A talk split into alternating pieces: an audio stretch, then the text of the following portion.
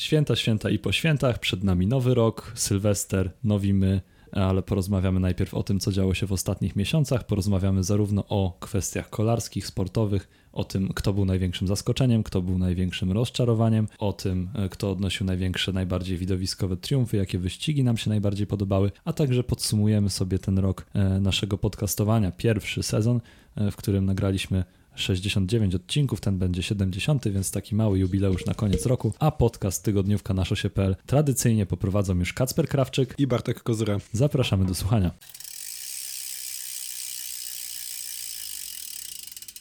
Tak jak wspominałem już we wstępie, można może nawet z flamandzkiego tak powiedzieć Kerstperiod, czyli ten okres świąteczno-noworoczny, to taki czas refleksji, podsumowań, e, zastanowienia się nad tym, co za nami, być może też takiego trochę zamknięcia klamrą e, tych ostatnich 12 miesięcy i na taki pomysł bardzo kreatywny wpadliśmy, żeby właśnie w ten sposób poprowadzić ostatni odcinek naszego podcastu w tym roku. Tak, bo to jest nietypowe kończyć rok e, podsumowaniem tego, co się działo w roku, bo nikt tak nie robi. Absolutnie, to jest innowacyjny pomysł, także e, jesteśmy e, nie po raz pierwszy pionierami. pionierami.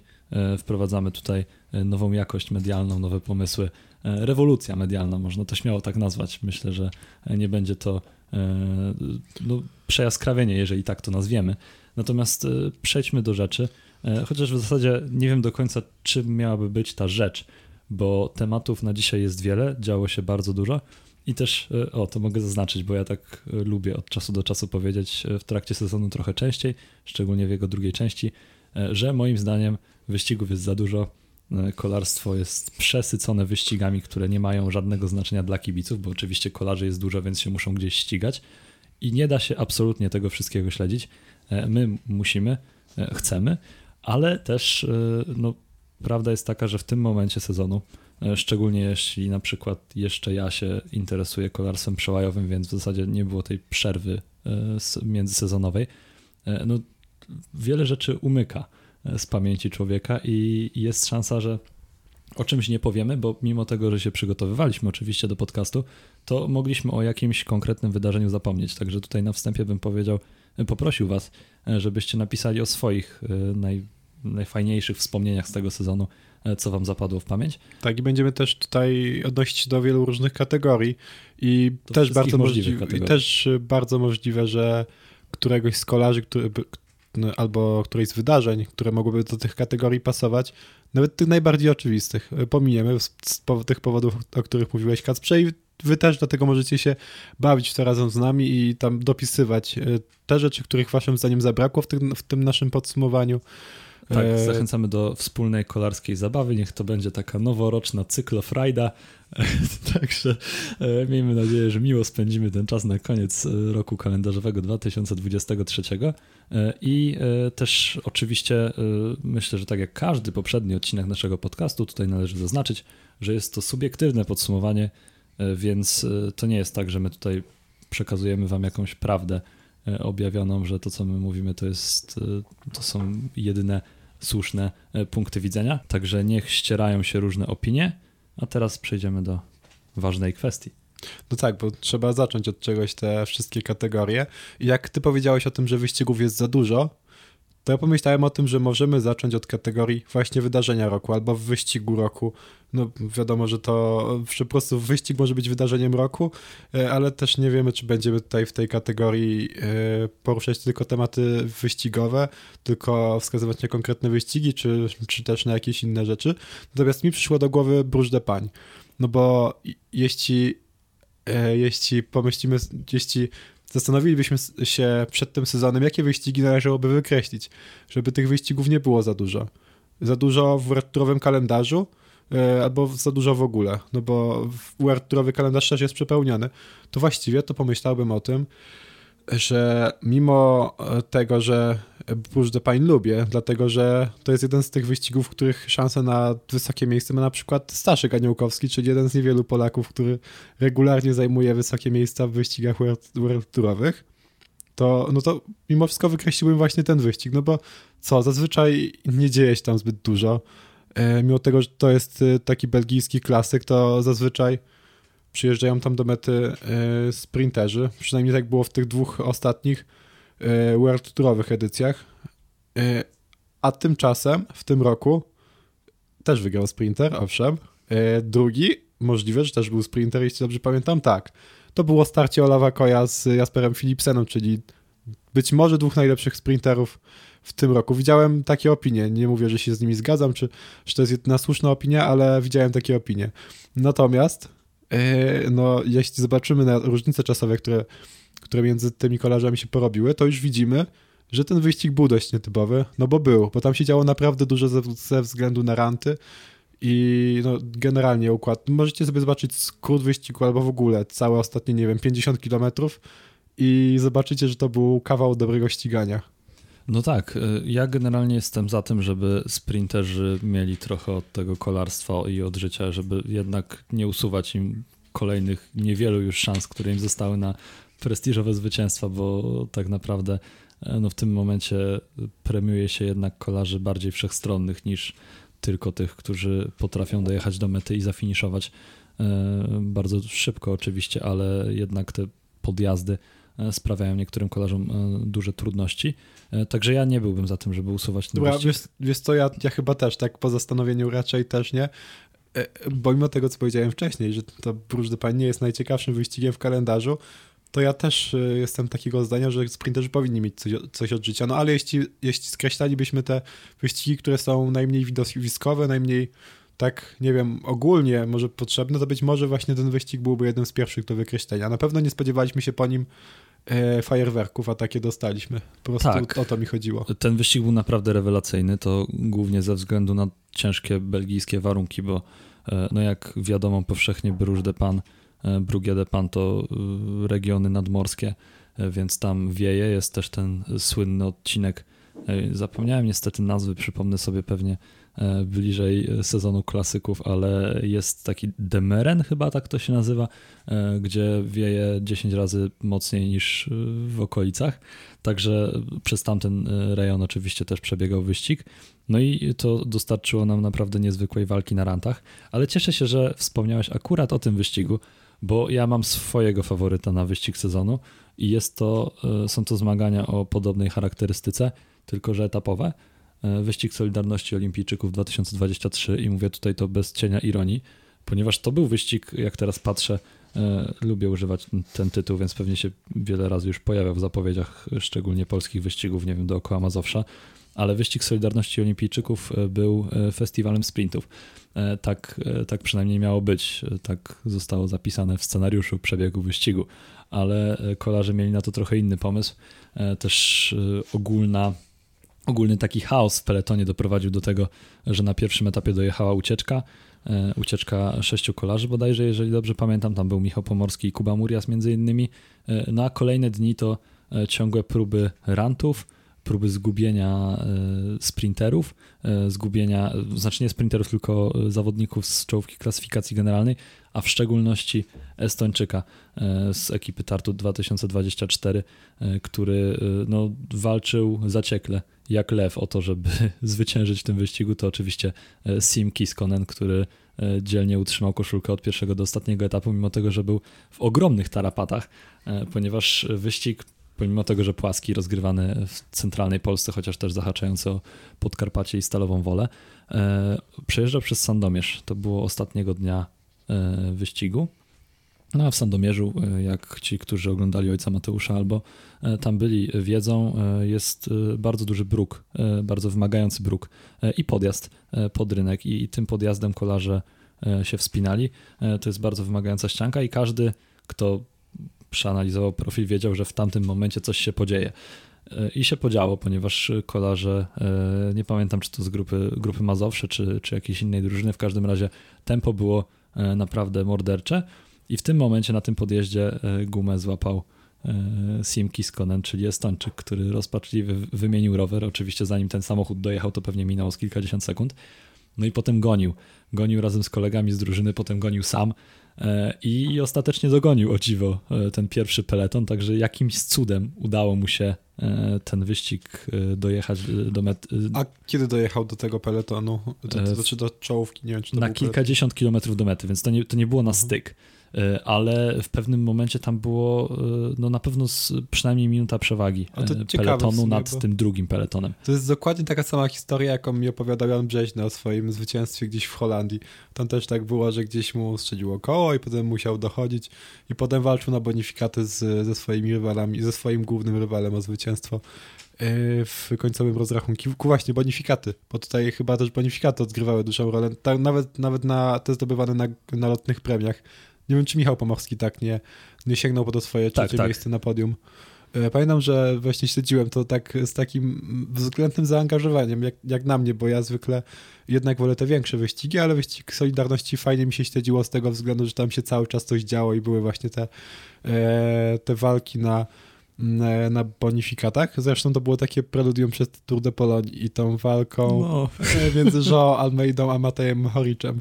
tak, ale właśnie ten Estończyk, ta jego zaciekłość, e, to jest coś, co mi zapadło w pamięć, bo też e, no, jechałem w kolumnie wtedy, więc widziałem dokładnie w jaki sposób te grupy się goniły nawzajem, e, jak się dzieliły. Także to było naprawdę niesamowite widowisko.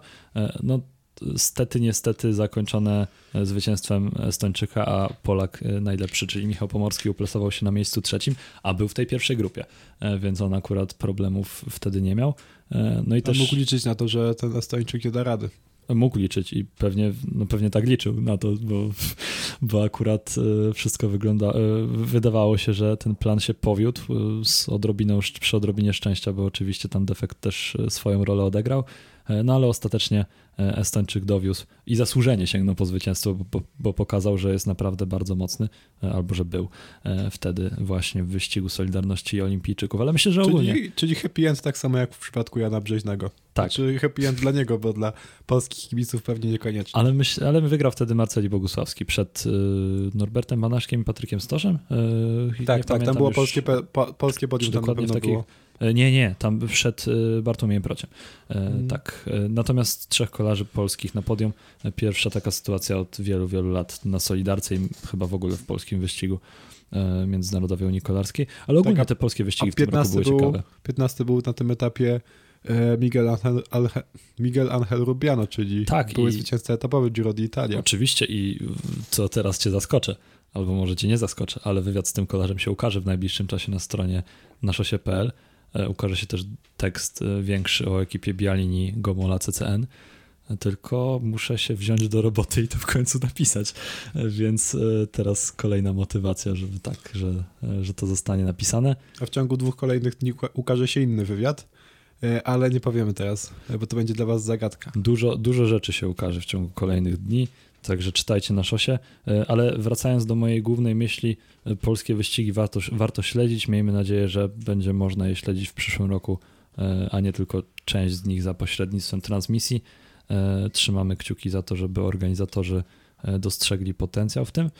I, e, a jak nie, no to po prostu zapraszamy przy, przed drogi, żebyście kibicowali kolarzom swoim ulubieńcom, albo jak nie macie swoich ulubieńców, to po prostu zawodnikom i pokazali, że, że wspieracie polski peleton, polskich kolarzy, polskiej ekipy, a tych ekip będzie więcej. Ale myślę, że to tyle o polskich wyścigach, bo przegadaliśmy długą część naszego podcastu. Tak, a... wypada wskazać takiego zwycięzcę te, te, tego naszego mini plebiscyciku e, dotyczącego wydarzy- kolarskiego wydarzenia albo wyścigu roku.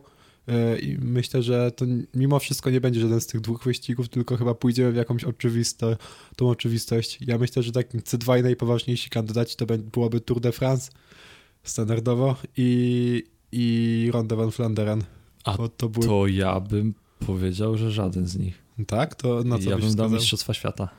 Mistrz- Mistrzostwa Świata. No tak. No Moim zdaniem Mistrzostwa Świata były. były najbardziej epickim wyścigiem w tym sezonie. E, tak, to jest bardzo możliwe. No też, no chyba tak. No to znowu mieliśmy starcie tych, tej trójki ty- tytanów, którą, tych, których, e, no trójki tytanów, którą obserwowaliśmy I Maca e, na rondę Van, e, Van Flanderen. E, tak, powiedziałem przez moment, prawie powiedziałem e, rondę Van Pedersen. Może kiedyś, bo Mats Pedersen zaciera ręce, mówi, że jak wygra monument, to będzie spełniony.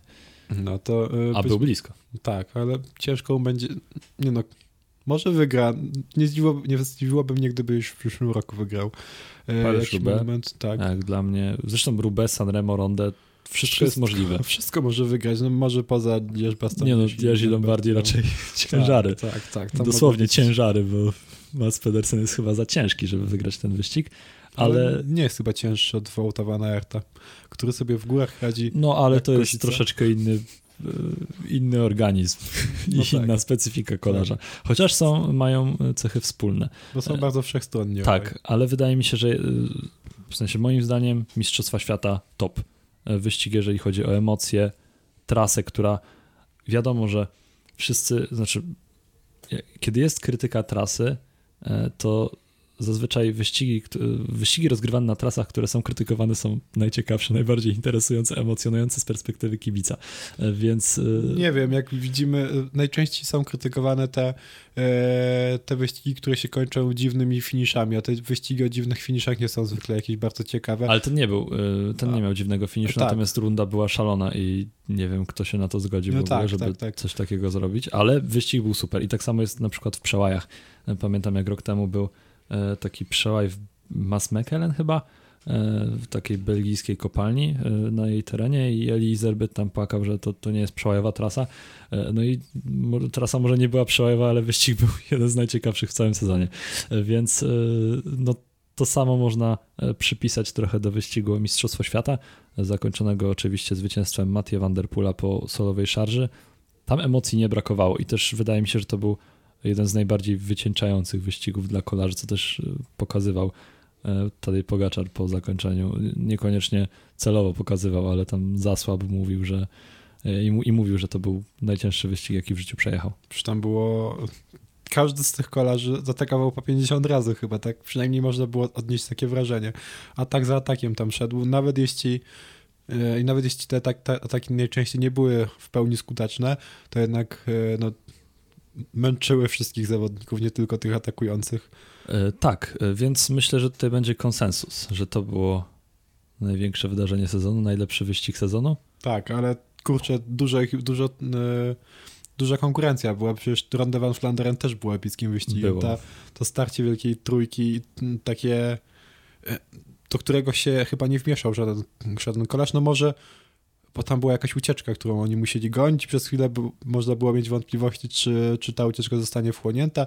Coś takiego mi się kojarzy. Tak, tak. E, więc dobrze, nie było tak do końca, że się nikt w to nie wmieszał, ale ta rywalizacja między tymi kolarzami była taka bardzo bezpośrednia, jeszcze bardziej niż na Mistrzostwach Świata. Albo to Tour de France do pewnego momentu, jak e, mieliśmy to, ten pojedynek dwóch gigantów, mega zacięty. Oczywiście do pewnego momentu, bo potem niestety e, wszystko się popsuło. E, tak, ale też e, tak sobie myślę, że może na jakieś specjalne wyróżnienie zasługuje etap e, Tour de France z Dnia Bastylii 14 lipca na Grand Colombie, wygrany przez Michała Kwiatkowskiego. To też powinien być z naszej biało-czerwonej perspektywy taki no jeden z ważniejszych momentów ogólnie w całym sezonie. To prawda, jeszcze jak e, był ten Pogaczar, który uhonorował zwycięstwo e, Michała Kwiatkowskiego atakiem właściwie w tym samym momencie, w którym Michał Kwiatkowski podnosił ręce w e, geście zwycięstwa. To też miał taki fajny, fajny wymiar, mi się to no podobało. i tęczowa koszulka. Kasie Niewiadomej. E, tak. Natomiast tego wyścigu już... nie mieliśmy okazji oglądać, ponieważ nie było z niego transmisji, ale y, mamy mistrzynię świata w kolarstwie gravelowym i też jak o Kasi Niewiadomej mowa, y, to y, na mnie zrobił ogromne wrażenie etap Tour de France z metą na Col du Tourmalet one, tak. To była meta na Col Turmale? Chyba tak. To, to był na gdzie Kasia zajęła drugie miejsce. Jakiś legendarny podjazd. Mi się kojarzyło Mont ale chyba nie. Na chyba pewno nie, nie Mont. No. E, to, był, e, to był etap pod Turmale, tak, e, i Kasia tam zajęła drugie miejsce, przegrywając tylko z niesamowitą Demi Wollering, która swoją drogą, wyczytałem dzisiaj, że w L'Equipe w plebiscycie na sportowca roku, ale takiej ogólnym plebiscycie multidyscyplinarnym zajęła piątą pozycję więc to pokazuje, jaką wybitną zawodniczką jest. E, no a e, Kasia e, dała tam naprawdę rewelacyjny popis i ostatecznie zwyciężyła w klasyfikacji górskiej tego wyścigu.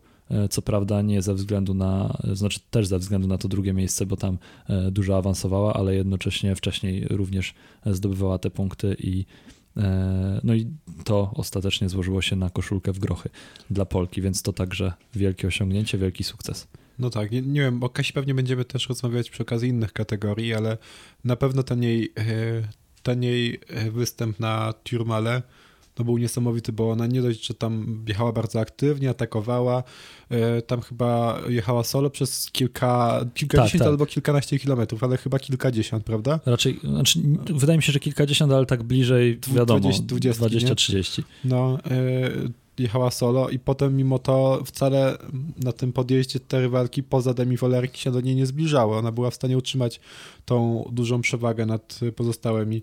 No, może Annemiek Van Vleuten tam odrobiła do niej nad, e, tam Ale niewiele. troszeczkę, ale no właśnie niedużo.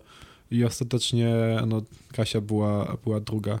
Więc wydaje mi się, że to zamyka nam już całkowicie sekcję wyścigów. E, I teraz możemy przejść do jakiejś ko- kolejnej kategorii. Co Bartku proponujesz? Kurczę, no. Nie wiem, może Dobra, zaskoczenia, zaskoczenia, zaskoczenia. zaskoczenie, okej. Ja chcę być E, zaskoczony. A to tylko pozytywne czy negatywne też? Jedne i drugie. Okej, czyli top i flop, tak zwane. Tak, to kto top? To top. No, Myślę, że takim pozytywnym zaskoczeniem, największym, byłoby dla mnie. Myślałem o Christophie Laporcie przed, e, przed tym nagraniem, ale no Christophe Laporte e, był pozytywnym zaskoczeniem już rok temu. W tym roku był jeszcze lepszy niż, e, niż wtedy, ale chyba nie możemy mu przyznać ty- tytułu oczarowania sezonu. Ja się nie podpisuję pod tym. W sensie nie podpisałbym się pod kandydaturą Krzysztofa Laporta na zaskoczenie sezonu. No nie, no nie, bo to by było bez sensu, bo w zeszłym roku już był zaskakująco dobry, a tym roku po prostu zrobił jeszcze, jeszcze kolejny krok do przodu. No to kto? Kto? No nie wiem, nie wiem, nie wiem. No to ja mogę tym powiedzieć, bo ja mam e, faworyta. Okej. No to dla mnie Ben Healy. To, co, No tak, on, Ben to, co Healy. on w tym sezonie pokazał, e, to w jaki, chociaż mam dwóch w sumie, ale, e, ale no, no niesamowita jazda, naprawdę. Kolarz, który w, jeszcze w ubiegłym roku był młodym talentem, pamiętam jak uciekał w Tour of Norway bodajże i tam został złapany naprawdę tuż przed metą e, przez peleton i, i wtedy wszyscy mówili, że e, on jest taki dzielny, tak ucieka, taki waleczny e, i to, to miał być jego największy sukces w karierze i no niewątpliwie by był. E, Natomiast e, tego etapu nie wygrał, ale oprócz tego nie miał e, żadnych osiągnięć na szczeblu zawodowym poza e, krajówkami, mistrzostwami kraju. A w tym sezonie wyrósł na jednego z naprawdę czołowych kolarzy e, świata. E, Wiadomo, że chodzi bardziej o szerszą czoł- czołówkę, ale zawodnik dynamiczny, dobrze czujący się na pagórkach, potrafiący jeździć w górach. E, Wygrał w tym roku e, etap Giro, był czwarty w Lierz-Baston-Lierz, drugi w Amstel Gold Race, drugi w Strzale Brabanckiej. No naprawdę sezon, sezon życia to wiadomo, bo, bo ma 23 lata, ale pokazał tym, że ma naprawdę ogromny potencjał i z marszu w zasadzie wskoczył do światowej czołówki.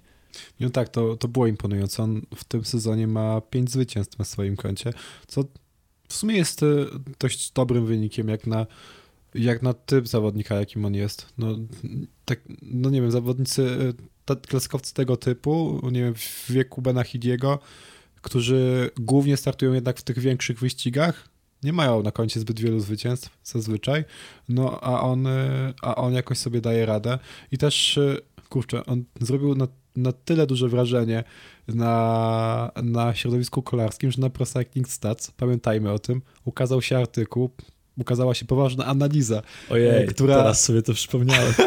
która sprawdzała, czy Ben Healy ma szansę na to, żeby, żeby załapać się do top 3 klasyfikacji generalnej Giro d'Italia. Tak, y, my y, wydaliśmy swój wyrok już na początku wyścigu. Powiedzieliśmy, że absolutnie nie. I mieliśmy rację. absolutnie nie.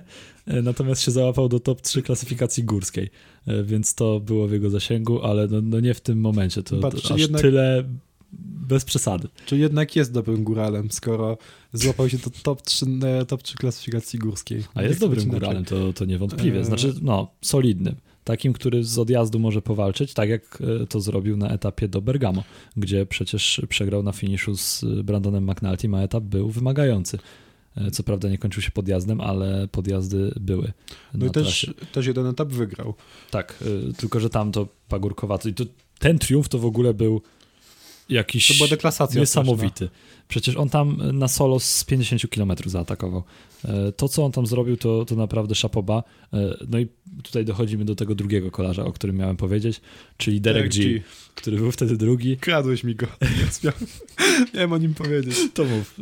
Ja co, cofam. Jednak, jednak nie Derek G. To nie, niech będzie twój Derek G. To, co Derek G zrobił... Chociaż ja bym wolał no. Dereka G zamiast Benachiniego, ale... To, co Derek G zrobił na, na tamtym Giro d'Italia, to było niesamowite. Ale najbardziej niesamowite jest nawet nie to, co on wygrał, ale to, czego on nie wygrał, bo ile tutaj było drugich miejsc? Liczę właśnie. Raz, cztery. dwa, trzy, cztery. Cztery drugie miejsca, ale tylko na etapach, bo jeszcze było drugie miejsce w klasyfikacji górskiej, drugie miejsce w klasyfikacji punktowej, drugie miejsce w tych pobocznych klasyfikacjach. Nie wiem, czy, w, e, czy to nie było, było drugie miejsce i w klasyfikacji kilometrów w ucieczkach, i tej drugiej, klas- i, tej, i tej drugiej specjalnej mini pobocznej klasyfikacji Giro d'Italia bez, bez Bianchi i, tak. i, w sensie lotne premie tak. i ten. Tak. No, Wobo był drugi, dobrze pamiętam. Chyba tak, ale dla mnie bardziej niesamowite było to, że po pierwsze jego wcześniejszym najlepszym wynikiem poza krajówkami było piąte miejsce na czasówce Gran Camino, czasówce, którą wygrał Mark Padun, więc tam poziom nie był najwyższy, jeżeli chodzi o czasówki. Mój ulubiony, e, jeden z moich ulubionych wyścigów poprzedniego sezonu i jedna z moich ulubionych relacji, które napisałem. Tak, bo to było bardzo wzruszające zwycięstwo, ponieważ to wyścig wczesno-sezonowy, a, a wtedy e, rozpoczęła się agresja Rosji na Ukrainę. Bardzo, bardzo, bardzo symboliczny. Tak, natomiast wracając do tematów kolarsko-kanadyjskich i Dereka G., E, to to Giro było imponujące jeszcze pod jednym względem, ponieważ on cztery razy był na miejscu drugim, e, a dodatkowo e, dwa razy był na miejscu czwartym. I raz nie był w czołowej dziesiątce, a zabrał się w ucieczkę. W ucieczkę. Łącznie siedmiokrotnie uciekał na etapach Giro d'Italia. I za każdym razem, jak Derek G uciekał, zwyciężał kolarz z ucieczki. Więc nawet wtedy, kiedy on osobiście nie powalczył, to był etap na Monte Bondone. Wtedy E, zwyciężył kolarz z odjazdu. Nie pamiętam dokładnie kto to był, ale już weryfikuję. Ojejku, no wtedy nie wiem, no, ale mi się teza, ale mi się teza Co? wysypała Jednak... cała, że Almeida wtedy wygrał. No nie, to już, ale farmazonem poleciałem. No dobrze, w każdym razie 6 razy, 6 na 7 dojeżdżała ucieczka, 4 razy był drugi, 2 razy był czwarty, a wcześniej absolutnie nie pokazał tego nigdy, że byłby w stanie wykręcić taki wynik. No tak, pamiętam, e, że dwa lata temu chyba był taki kolarz Brent Van Moor i on uchodził za specjalistę od ucieczek, bo Dobry też, też tak było zawsze, że ucieczka, w której on jechał zawsze była albo blisko tego, żeby e, żeby dojechać do mety, albo właśnie udawało jej się do tej mety dojechać. On uchodził za takiego następcę Tomasa Dechenta. Okazał, czas pokazał, że nie zupełnie mu się to udało, chociaż jeszcze wiadomo, przyszłość przed nim, chociaż jakoś w tym sezonie było o nim cicho i w poprzednim chyba też, e, ale to już... No bo o uciekinierach jest cicho, dopóki nie wygrywają. Dokładnie tak, dokładnie tak to działa. Chyba, że jest się Derekiem G, G i wtedy jest głośno, jak, jak, jak, nie wygrywa. Właśnie dlatego, że nie wygrywa, mimo tego, że powinien. No, Derek G nie uchodził za takiego kolarza rzeczywiście, który byłby następcą e, Toma Dechenta, Chociaż nie wiem, czy on nawet nie jest tego samego rocznika, co Brent Van Moor. Bo on, wydaje mi się, że te dwa lata temu miał właśnie te 24 lata. Możliwe, ale to też jest ciekawe, bo to nie jest młody zawodnik. On ma 26 lat. Więc to nie jest tak, że to wystrzelił młody talenciak, przyjechał na Giro i, i pokazał, że w przyszłości będzie rewelacyjnym kolarzem. Znaczy być może, bo e, podobno, tak mówi Izrael Premier Tech, że jego potencjał jest nieograniczony i że on może wszystko, że może w każdym terenie powalczyć. I ja, ja im wierzę. Po tym, co zobaczyłem w Giro d'Italia, ja im wierzę. Oni podpisali z nim kontrakt do 28 roku, żeby zapewnić sobie, że będą mieli kolarza po 30 w 2028 roku. Bo trzeba jednak to dziedzictwo e, Fruma, Fulzanga, e, Simona Klerka pod co vivo zachować, jak oni już pokończą karierę.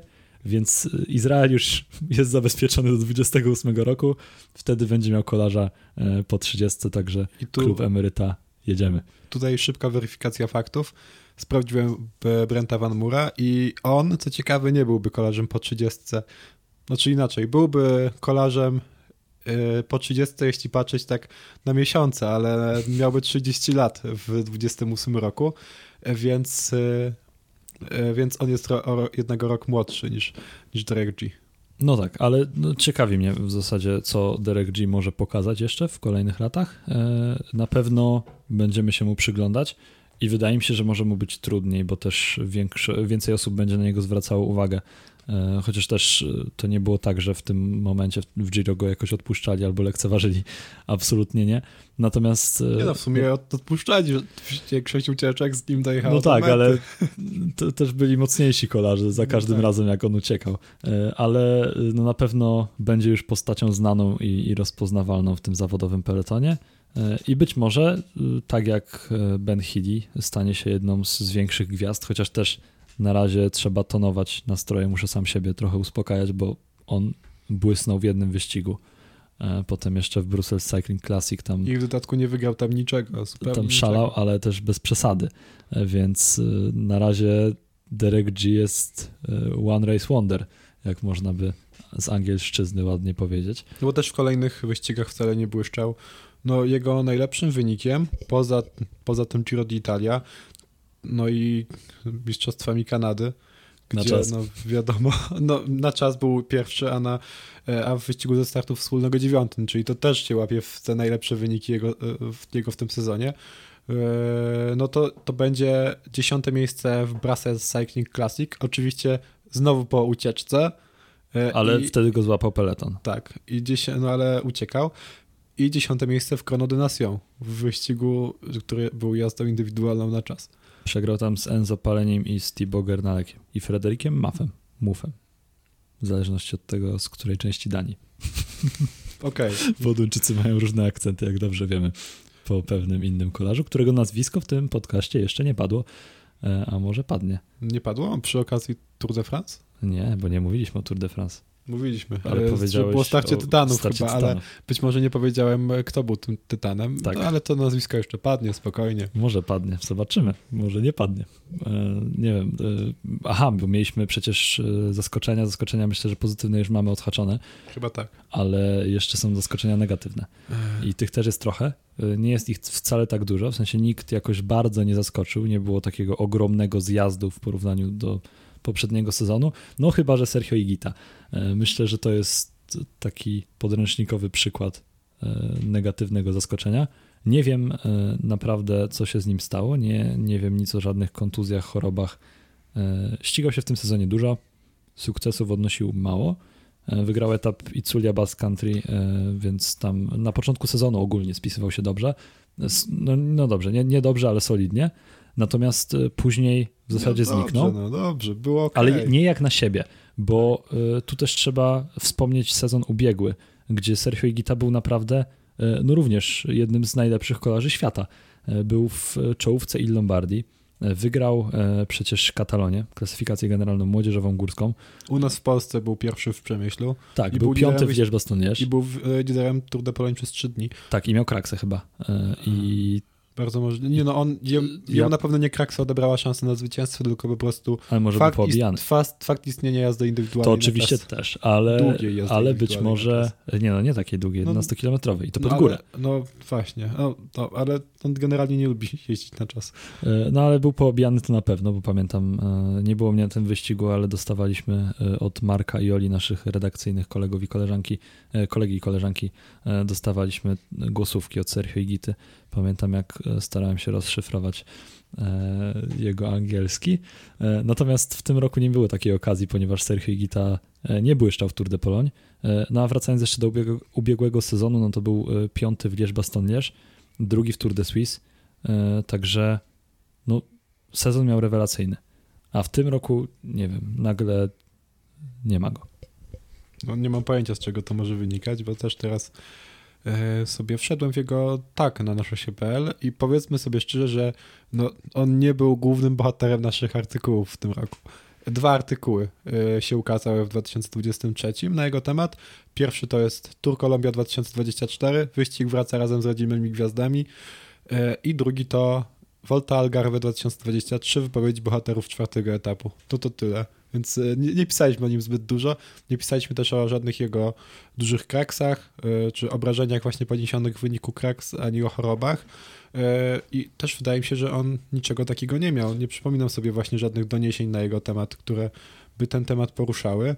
Więc nie, nie zupełnie rozumiem, o co tu chodzi, bo to chyba nie jest kwestia tego, że po prostu no, człowiek jak się starzeje, to no, siły go opuszczają trochę. No, on ma 26 lat, jest o dwa lata starszy ode mnie. Ja nie planuję za dwa lata już zaczynać się powoli wybierać na, na tamten świat. Nie wiem jak, e, jak ty.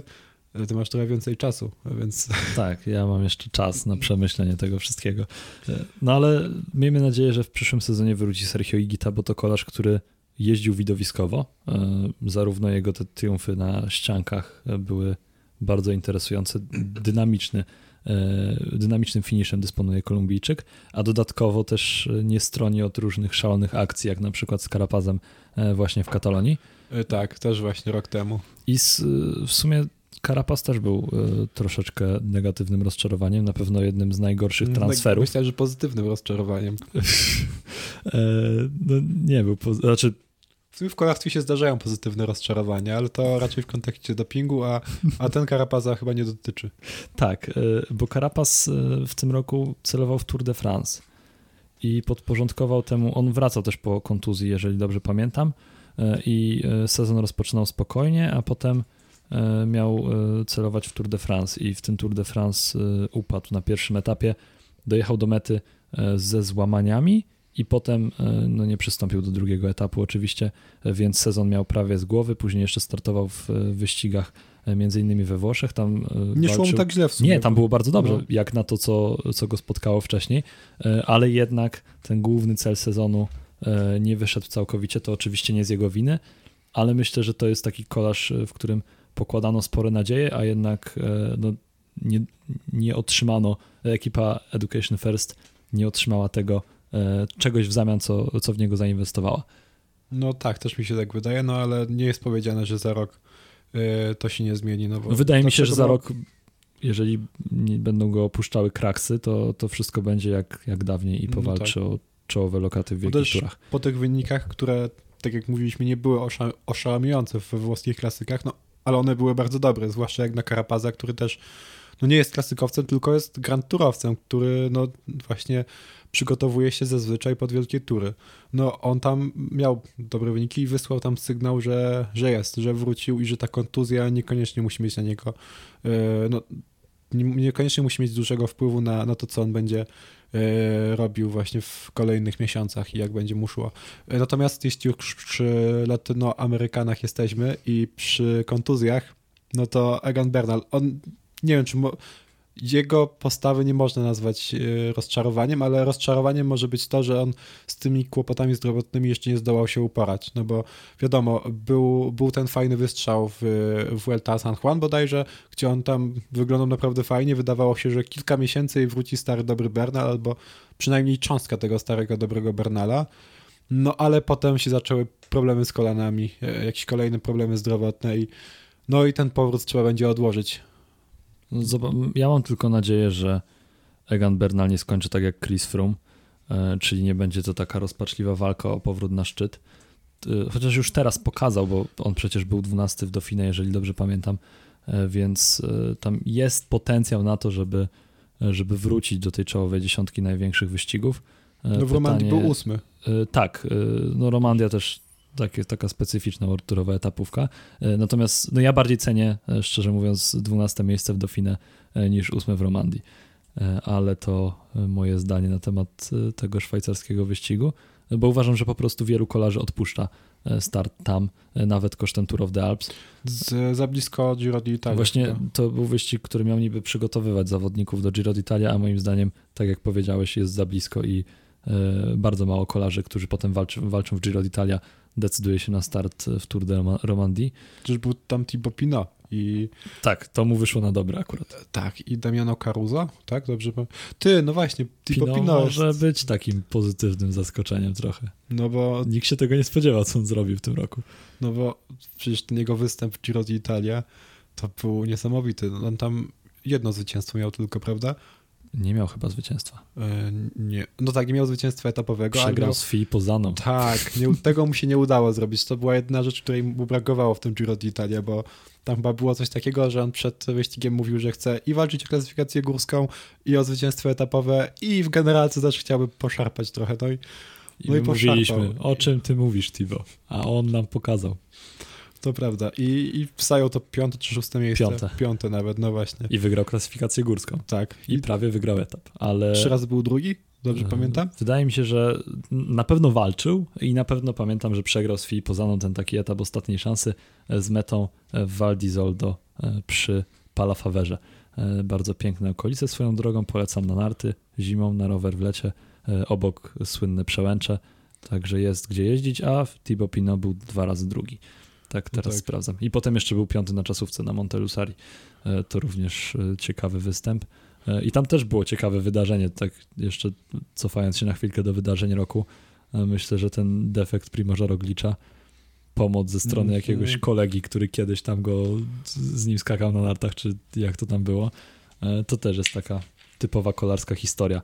No tak, bo przecież ja mówiłem przy tych wydarzeniach roku o, o całym Tour de France, y, że to był cały wyścig taki bardzo, bardzo emocjonujący i bardzo intensywny. O Giro d'Italia nie można tego powiedzieć, bo wyścig był bardzo, bardzo nudny.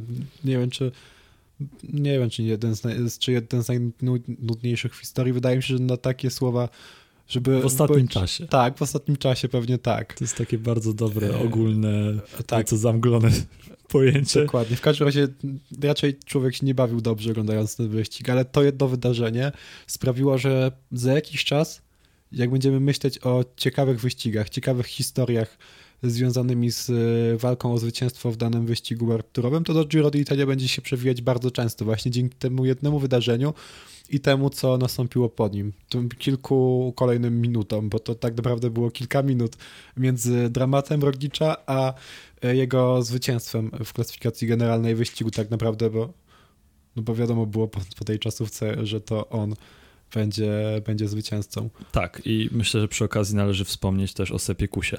E, ogólnie o ekipie Jumbo Visma i zwycięstwie w trzech wielkich turach, ale myślę, że Sepkus, mimo tego, że wygrał ten w cudzysłowie najmniej prestiżowy wielki tur, e, bo jednak w hierarchii myślę, że wśród kibiców Vuelta jest na najniższym e, stopniu podium wielkoturowego ustawiana, no to przejechał wszystkie trzy wielkie tury jako pomocnik. Dzięki niemu między innymi kolarze sięgali po zwycięstwa, a później on sam dostał szansę, szansę wykorzystał. E, O tym, w jaki sposób to było, e, co zrobił i co Bartek uważa na ten temat, jak to powinno zostać rozegrane, możecie posłuchać w którymś z poprzednich naszych podcastów, pewnie w okolicach września. E, Natomiast no wygrał, tego mu już nikt nie zabierze. Tak, zdecydowanie. No i właśnie, bo też musimy przyporządkować Sepakusa, jednego z największych e, pozytywnych zaskoczeń e, tego, tego sezonu.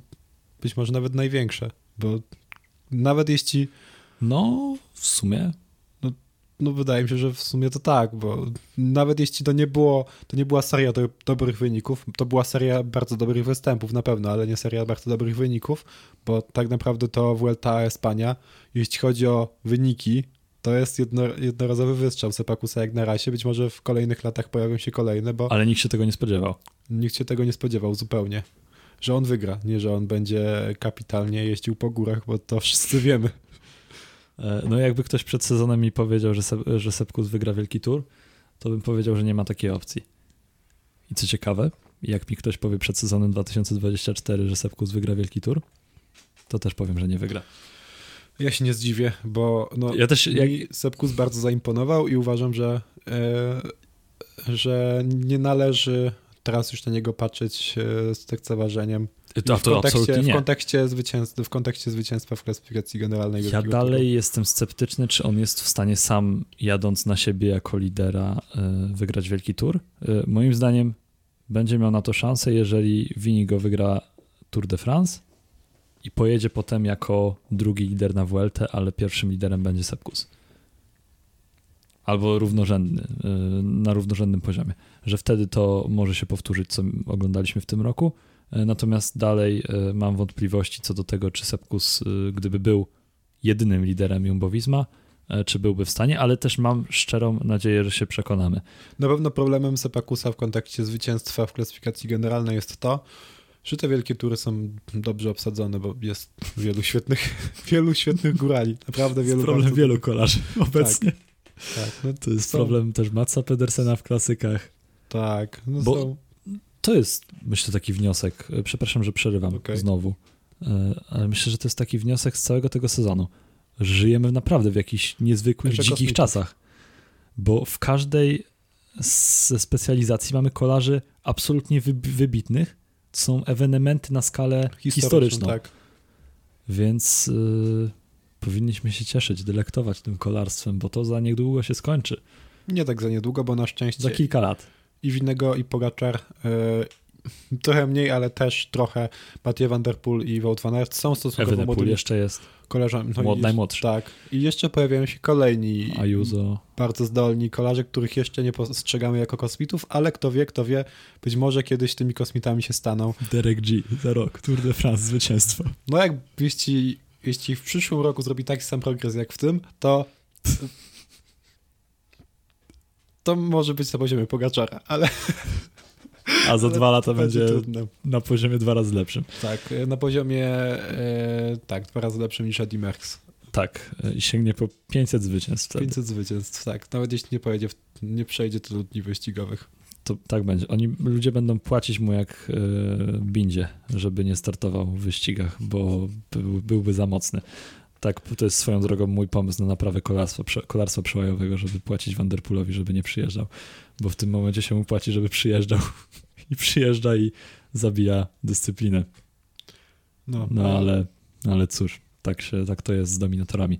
Miejmy nadzieję, że tych dominatorów będzie w kolarstwie jak najwięcej, żeby oni się nawzajem tak. e, równoważyli. I... Bo jak jest jeden dominator, to jest kiepsko, chociaż e, ma to swoje zalety, niewątpliwe, które ja też doceniam, e, bo po prostu lubię, gdy dzieją się rzeczy historyczne i jak mamy kolarza, który zgarnia kolejne skalpy, no jest to na swój sposób fascynujące, ale jednak dla kolarstwa najlepiej jest, jeśli jest kilku dominatorów w każdej z dziedzin i fajnie jest też, jeśli dominatorzy w w jednej i drugiej się pokrywają, że Tadej Pogaczar jest mocny i w klasykach, i w wielkich turach, bo to też dodaje takiego dodatkowego smaczku e, temu wszystkiemu.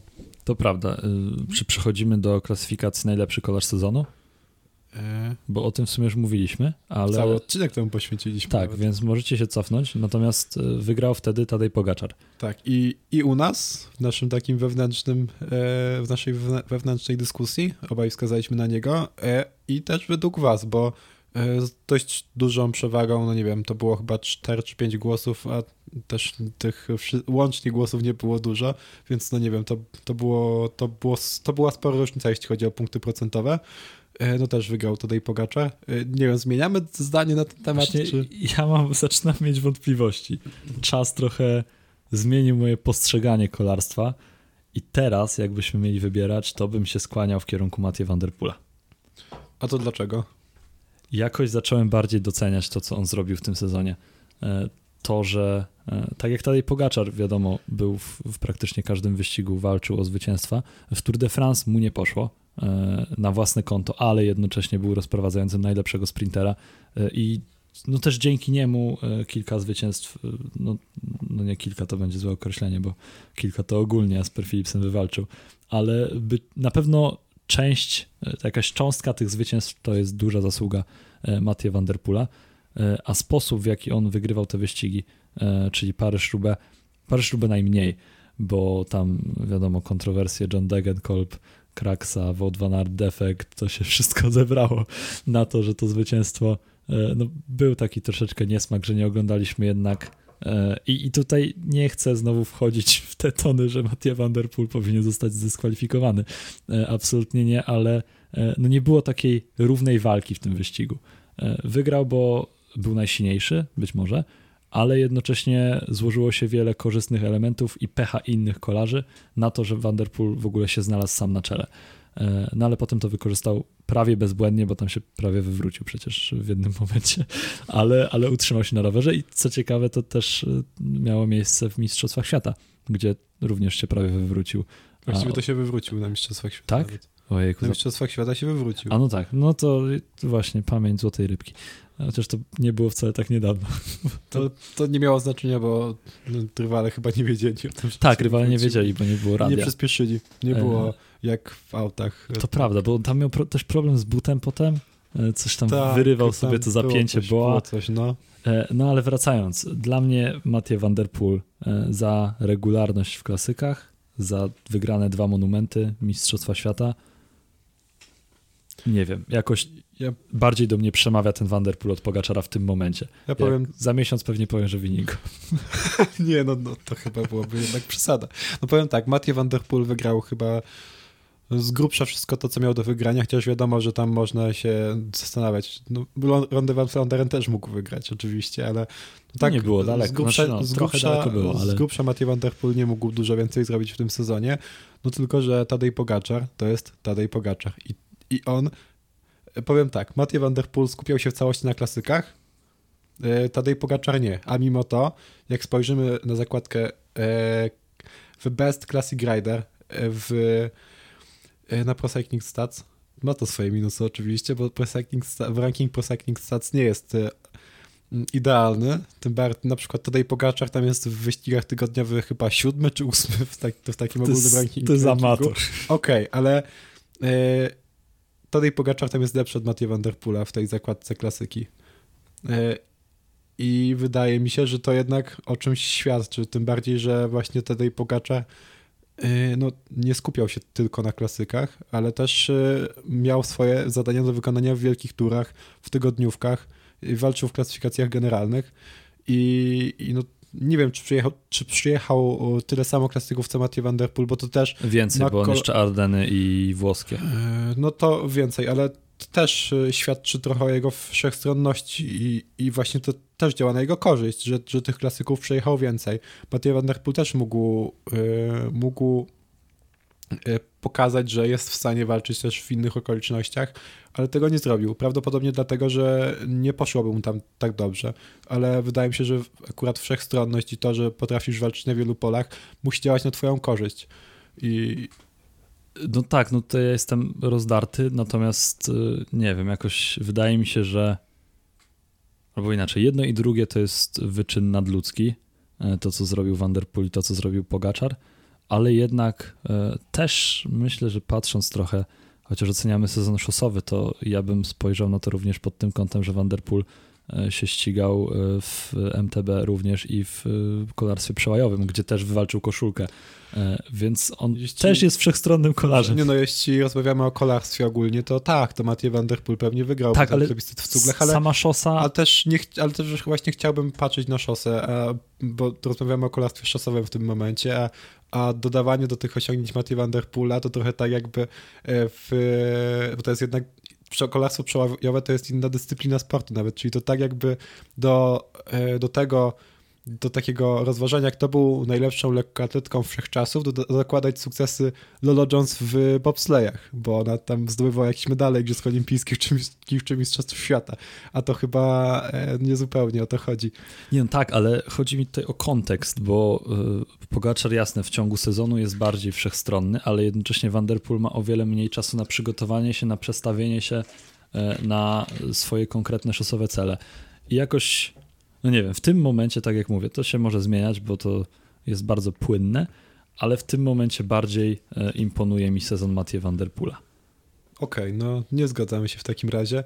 Nie wiem, chyba jeszcze są inne kategorie. Spri- Sprinter roku, e, Góral roku, No to Czasowiec roku. myślę, że góral roku to zwycięstwo Jonas Vingegaard tutaj y, bez dyskusji jakiejkolwiek. Czy chcesz... Nie, nie będę dyskutował, bo myślę, że Tour de France to wszystko no, wyjaśnił bez, bez dwóch zdań. Jednak, Sprinter roku? Aha, nie, jeszcze, przepraszam, myślałem, że, że kończyłeś. jednak E, te 8 minut w klasyfikacji generalnej między Pogaczarem a Winego o czym e, świadczy. swoje mówią, nawet jeśli dodamy do tego jakiś kontekst, to że e, to, że to nie zawsze, nie do końca było to, że, że to były tylko góry, ale też jazda na czas, czy rzekoma choroba Pogaczara, rzekoma albo możliwa, e, albo możliwa choroba Pogaczara, bo rzeczywiście były rzeczy, które o tym świadczyły, ale no nie, myślę, że rozważania na temat e, na temat e, tego, kto jest najlepszym góralem na świecie, jednak najlepiej rozstrzyga to Tour de France. I też pokazał się dobrze w górach w kraju Basków, w Kryterium do Dauphine i no tam był najlepszy zdecydowanie, a potem moim zdaniem też był najlepszy w górach w Vuelta Espania. E, Chociaż tego nie zobaczyliśmy tak w pełni, bo on podążał tylko za Primożem Rogliczem i nie zobaczyliśmy, czy on jest w stanie zaatakować Słoweńca, czy nie.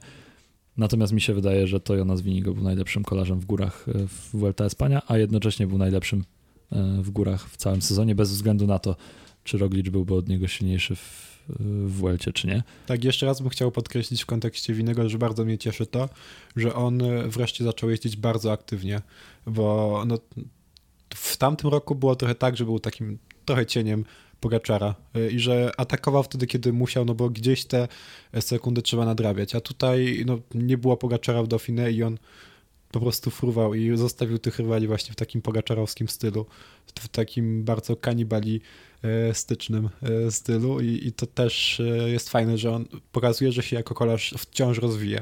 No tak, e, więc myślę, że to tyle o Góralu. Sprinter roku też chyba nie będzie dyskusji. Tak, myślę, że dyskusja mogłaby być co najwyżej o, o tym, kto jest drugim najlepszym sprinterem sezonu, bo tu stawka mogłaby być już trochę bardziej wyrównana, no ale sprinterem sezonu musi być Jasper Philipsen.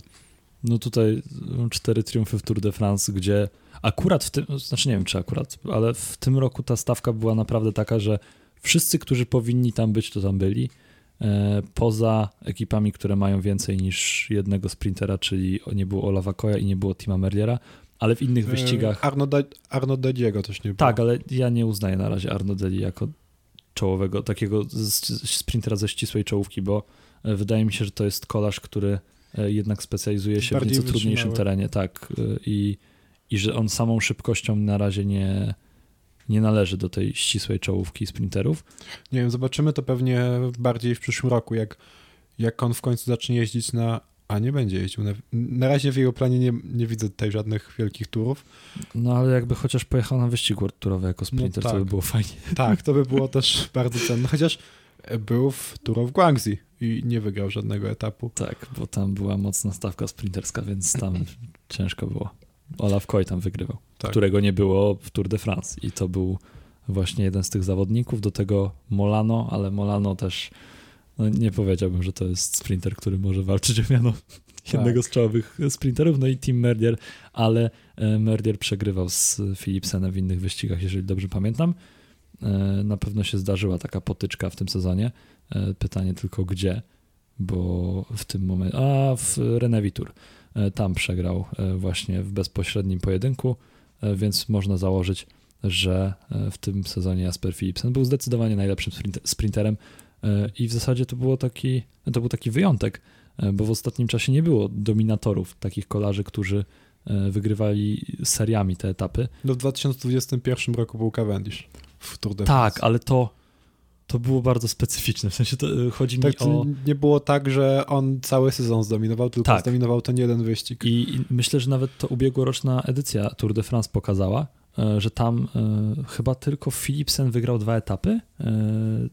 Dobrze mówię, jeżeli chodzi o sprinterów. Też mi się tak wydaje. A że... pozostali bardzo wielu kolarzy uszczknęło sobie jakiś pojedynczy triumf.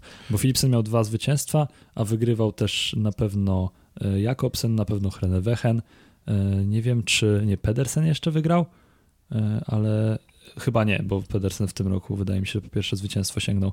E, nie, wydaje mi się, że, że, ja, że Pedersen sięgnął po to zwycięstwo w zeszłym roku na Tour de France. Nawet nie wiem, czy nie wiem, czy to było zwycięstwo po finiszu z peletonu, ale na pewno sięgnął, bo to była ta seria czterech kolejnych zwycięstw w wielkich turach e, Matsa Pedersena. A to może mi się zlało Tour de France prostu... 2022, Vuelta, Giro 23 i Tour de France 23. To chyba mi się. A, bo w tym roku też sięgnął. To mi się zlały wypowiedzi po prostu, bo myślałem, że, e, że jednak to, e, to nie miało miejsca w ubiegłym roku. Ale też e, Wout, wygrał Wout van Aert tylko nie po sprincie i wygrał Laporte po sprincie takim. Po, po odjeździe takim dłuższym troszeczkę.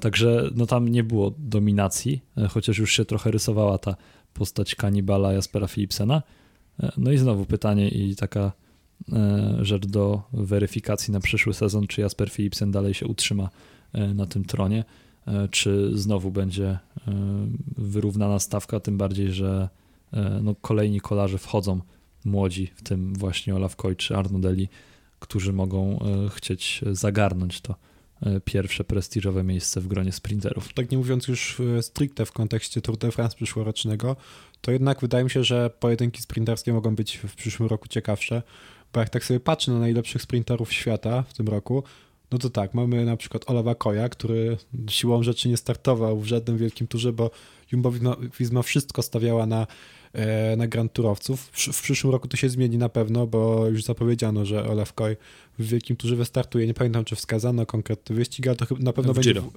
E, tak, no tak, to będzie Giro d'Italia, przecież rozmawialiśmy o tym, że to takie leczo, e, że skład Jumbo to takie leczo. Jeśli chcecie wiedzieć o co chodzi, no to musicie obejrzeć tak, góral, odcinek. sprinter, brygadzista, tak. człowiek odnoszenia fortepianu, wszyscy tam będą. Tak, e, jest Arno Dedi, który w tym roku nie wystartował w żadnym wielkim, tu, wielkim turze, a być może, nie wiem, czy, czy to zostało zapowiedziane, czy nie, być może w końcu, w końcu będzie miał taką okazję w przyszłym roku. Był Tim Merlier, który przecież też był w tym roku bardzo mocny, a nie pokazał tego ani razu e, w wielkich turach, bo no, po prostu Quickstep miał inne priorytety. E, I no, no jest dużo takich sprinterów, którzy w tym roku byli bardzo dobrzy, ale nie pokazali, nie pokazali się w wielkich turach i pewnie część z nich e, w przyszłym roku się wybierze. Tak, ale Pascal Ackermann się pokazał. To jeszcze e, nawiązanie do rozczarowań sezonu, bo Pascal Ackermann jakimś cudem wygrał etap Giro, ale przez całą resztę sezonu raczej nie błyszczał. Ale mówiłeś też o najlepszym czasowcu, A. o naszym wyborze i myślę, że tu też raczej będziemy zgodni. E, ja bym powiedział, że Remco Evenepoel, czyli mistrz świata. Natomiast zaznaczył, że z potencjałem Joshua Tarling na przyszły, na przyszły sezon tak, na złoto tak. olimpijskie. To jego to zwycięstwo Tartinga w Konodenacją pod koniec roku, bo ty mówiłeś o tym, jak że ta obsada niekoniecznie była taka oszałamiająca, bo tam było dużo nazwisk takich trochę mniej znanych w czołowej dziesiątce. Ale ta I... ścisła czołówka była całkiem okej. Okay. No tak. Całkiem. Joshua Tarling i Remco Evenepoel na dwóch pierwszych miejscach i właśnie ten Tarling tam ograł Evenepoela, e, czyli zamienili się miejscami w stosunku do tego, co było E, co było na Mistrzostwach Świata. No i właśnie, e, czekaj, chyba, że czy Tarning był tam trzeci? Był, który tam w Mistrzostwach Świata tak. Joshua Tarning był trzeci. Trzeci był. E, natomiast wygrał Mistrzostwo Europy. Tak, no, to był kapitalny sezon w wykonaniu Joshua Tarninga i myślę, że w przyszłym roku to on może przejąć palmy pierwszeństwa no ale na razie, jeśli oceniamy sezon 2023, a nie nadzieję na sezon 2024, no to myślę, że bezdyskusyjnie Remka Evenepoel. Jak rozmawialiśmy sobie o najlepszych czasowcach na świecie przed Mistrzostwami Świata, tak zapowiadając trochę tą imprezę, to ja już wtedy mówiłem, że dla mnie najlepsze wyniki ma Remka Evenepoel w tym sezonie, a teraz jak zdobył Mistrzostwo Świata, czyli taki najlepszy miernik jakości czasowca. No, zazwyczaj. Poza ubiegłym sezonem. No tak, poza ubiegłym sezonem, ale poza tym... Gwiazdka mała. Ale zazwyczaj jednak e, powszechnie uważany jest za najlepszego czasowca ten, który wygrał Mistrzostwo Świata e, w jeździe indywidualnej na czas. No bo tam był Ganna, Tony Martin, Fabian Cancellara. No generalnie to jest taki powszechny, powszechnie Tom uznawany miernik. No tak. E, Którzy byli wtedy wybitni. Dokładnie tak. No, sami, sami kozacy generalnie i, i Tobias Foss wygrywali, wygrywali ten wyścig. No bo też czas, dla czasowców to jest najważniejsza, najważniejsza impreza, do której się przygotowują i gdzie nie ma miejsca na przypadek, tak jak w wyścigu ze startu wspólnego, gdzie wiadomo, że mamy różne historie. I chyba, że to Fos. Chyba, że to Fos, chyba, że trasa jest e, krótka i specyficzna i, i ktoś się przygotowuje stricte pod nią i psuje całą Nie, nie psuje zabawę, ona dzięki temu była jeszcze lepsza. No właśnie, to Fos tam zrobił zabawę. E, pokonując Stefana Kinga, który chyba nigdy nie wygra Mistrzostw Świata i medalu Igrzysk Olimpijskich też. Na pewno w Paryżu mogę się założyć teraz, że przegrał jakiś e, ułamek sekundy znowu, e, bo to jest kolarz, który ma ogromnego pecha. Tak, taki Wout van Aert, tylko że czasowy. A w tak. sumie Wout van Aert też jest Woutem van Aert czasowym. tylko w tym roku Wout van Aert czasowy bez medalu czasowego. Stefan King w sumie też. Bez jakiego medalu? Na czas. E, miał medal w Mistrzostwach Europy. Tak, ale w, no, no to prawda, mówiłem o świata, ale e, no, był przynajmniej trochę wyżej niż Stefan King, który zajął tam 12 miejsce po tej fatalnej kraksie, e, z której jakimś cudem się pozbierał i wie, wsiadł znowu na rower. To I prawie pokonał Tobiasa Fossa. Czyli tam było wstrząśnienie mózgu? Tak, na, na bank i coś pewnie też miał złamanego. No, to Tobias Foss był daleko od tego, żeby bronić tytuł. Tak, e, to też może być takie mini rozczarowanie, chociaż myślę, że nikt nie spodziewał się, że Tobias Foss nagle zacznie być e, jednym z najlepszych czasowców, e, bo no nie pokazywał tego wcześniej, że należał do tej światowej czołówki. Zresztą reakcja Remco Evenepoela możecie sobie gdzieś znaleźć, włączyć z Wulongong, jak się dowiedział, że Foss wygrał Mistrzostwo Świata, to myślę, że podsumowywała wszystko. A my, czy mamy jeszcze coś do podsumowania? Wydaje mi się, że niekoniecznie. Nie rozstrzygaliśmy kwestii najlepszego klasykowca sezonu, ale trochę przy okazji najlepszego kolarza sezonu o tym porozmawialiśmy, bo to na pewno byłby ktoś z dwójki Tadej Pogaczar, tak, Mathieu Van Der Poel. Ja zapewne powiem, że Mathieu Van Der Poel, ty zapewne powiesz, że Tadej Pogaczar. Ja nie wiem, moim zdaniem byli na podobnym poziomie, że kwestię kolarza roku rozstrzygnęło to, że po prostu Tadej Pogaczar jeździł też w innych wyścigach niż w klasyki i, i też e, walczył w nich o zwycięstwa, a Mathieu van der Poel niezupełnie. Tak. E, no chociaż, to... chociaż też wydaje mi się, że jakbym miał już na kogoś wskazać, to bardziej Tadej Pogaczar, bo także ta klasyczna wszechstronność yy, mi bardziej imponuje. Czyli tu się zgadzamy, że się nie zgadzamy? Tak. I czy jeszcze jest coś, o czym yy, najlepiej... O, o, teraz mi przyszło do głowy E, to zaskoczyłem i siebie i ciebie zaraz zaskoczę. Najlepszy pomocnik tego sezonu. Co plus, nawet jeśli pod koniec sezonu okazało się, że nie jest tylko pomocnikiem, no to już za sam Tour de France i, i Giro d'Italia należy mu się tak. medal. I dla Mathieu van der drugie miejsce. No, no tak, Mathieu Za van der rozprowadzenie. Tak, ale to też nie jest żadna nowość, bo pamiętamy Jakuba Mareczkę, rozprowadzonego przez Mathieu van der w tamtym sezonie. E, tak, ten, kto może liczyć na Matthew Van Der Poole jako e, rozprowadzającego, ten ma dużo szczęścia. Tak, e, i duże szanse na zwycięstwo jednocześnie. Tak. No ale myślę, że będziemy kończyć i będziemy się z wami żegnać znowu świątecznie, ale wszystko jest związane z nowym rokiem, więc życzymy wam wszystkiego dobrego oczywiście na nowy sezon, wielu kolarskich emocji, wielu godzin spędzonych z naszym podcastem, e, bo e, wkraczamy w nową erę naszego podcastu. To będzie już ósma dziesiątka e, odcinków, także naprawdę oczekiwania są wysokie. Tak, tak. Myślę, że, że co 10 odcinków wkraczamy w nową erę, bo my się rozwijamy. No i jesteśmy coraz lepsi, staramy się, ale staramy się zawsze tak samo dla Was, żeby tak. zapewniać Wam najlepszą jakość. Zawsze dajemy całe 85%. Nie no, spokojnie. E, Mamy rezerwy cały to jest tak, To jest tak, że na początku dawaliśmy z siebie 10%, a teraz jak e, jesteśmy już przy 70, to dajemy z 70%. Po ostatnim odcinku będziemy dawać z siebie 100%. I 110. E, ale też prosimy was o to, żebyście dali nam jakieś pomysły, jak macie, w jaki sposób z waszej perspektywy podcast mógłby stać się ciekawszy. My to z pewnością rozważymy i będziemy się starać dostarczać Wam jak najlepsze treści zarówno w podcaście, jak i na stronie internetowej, a w przyszłości może również w innych platformach. E, to się wszystko okaże, wyjdzie w praniu. E, no a teraz żegnamy się z Wami i żegnają się z Wami Bartek Kozyra i Kacper Krawczyk. Do siego roku i do usłyszenia za tydzień.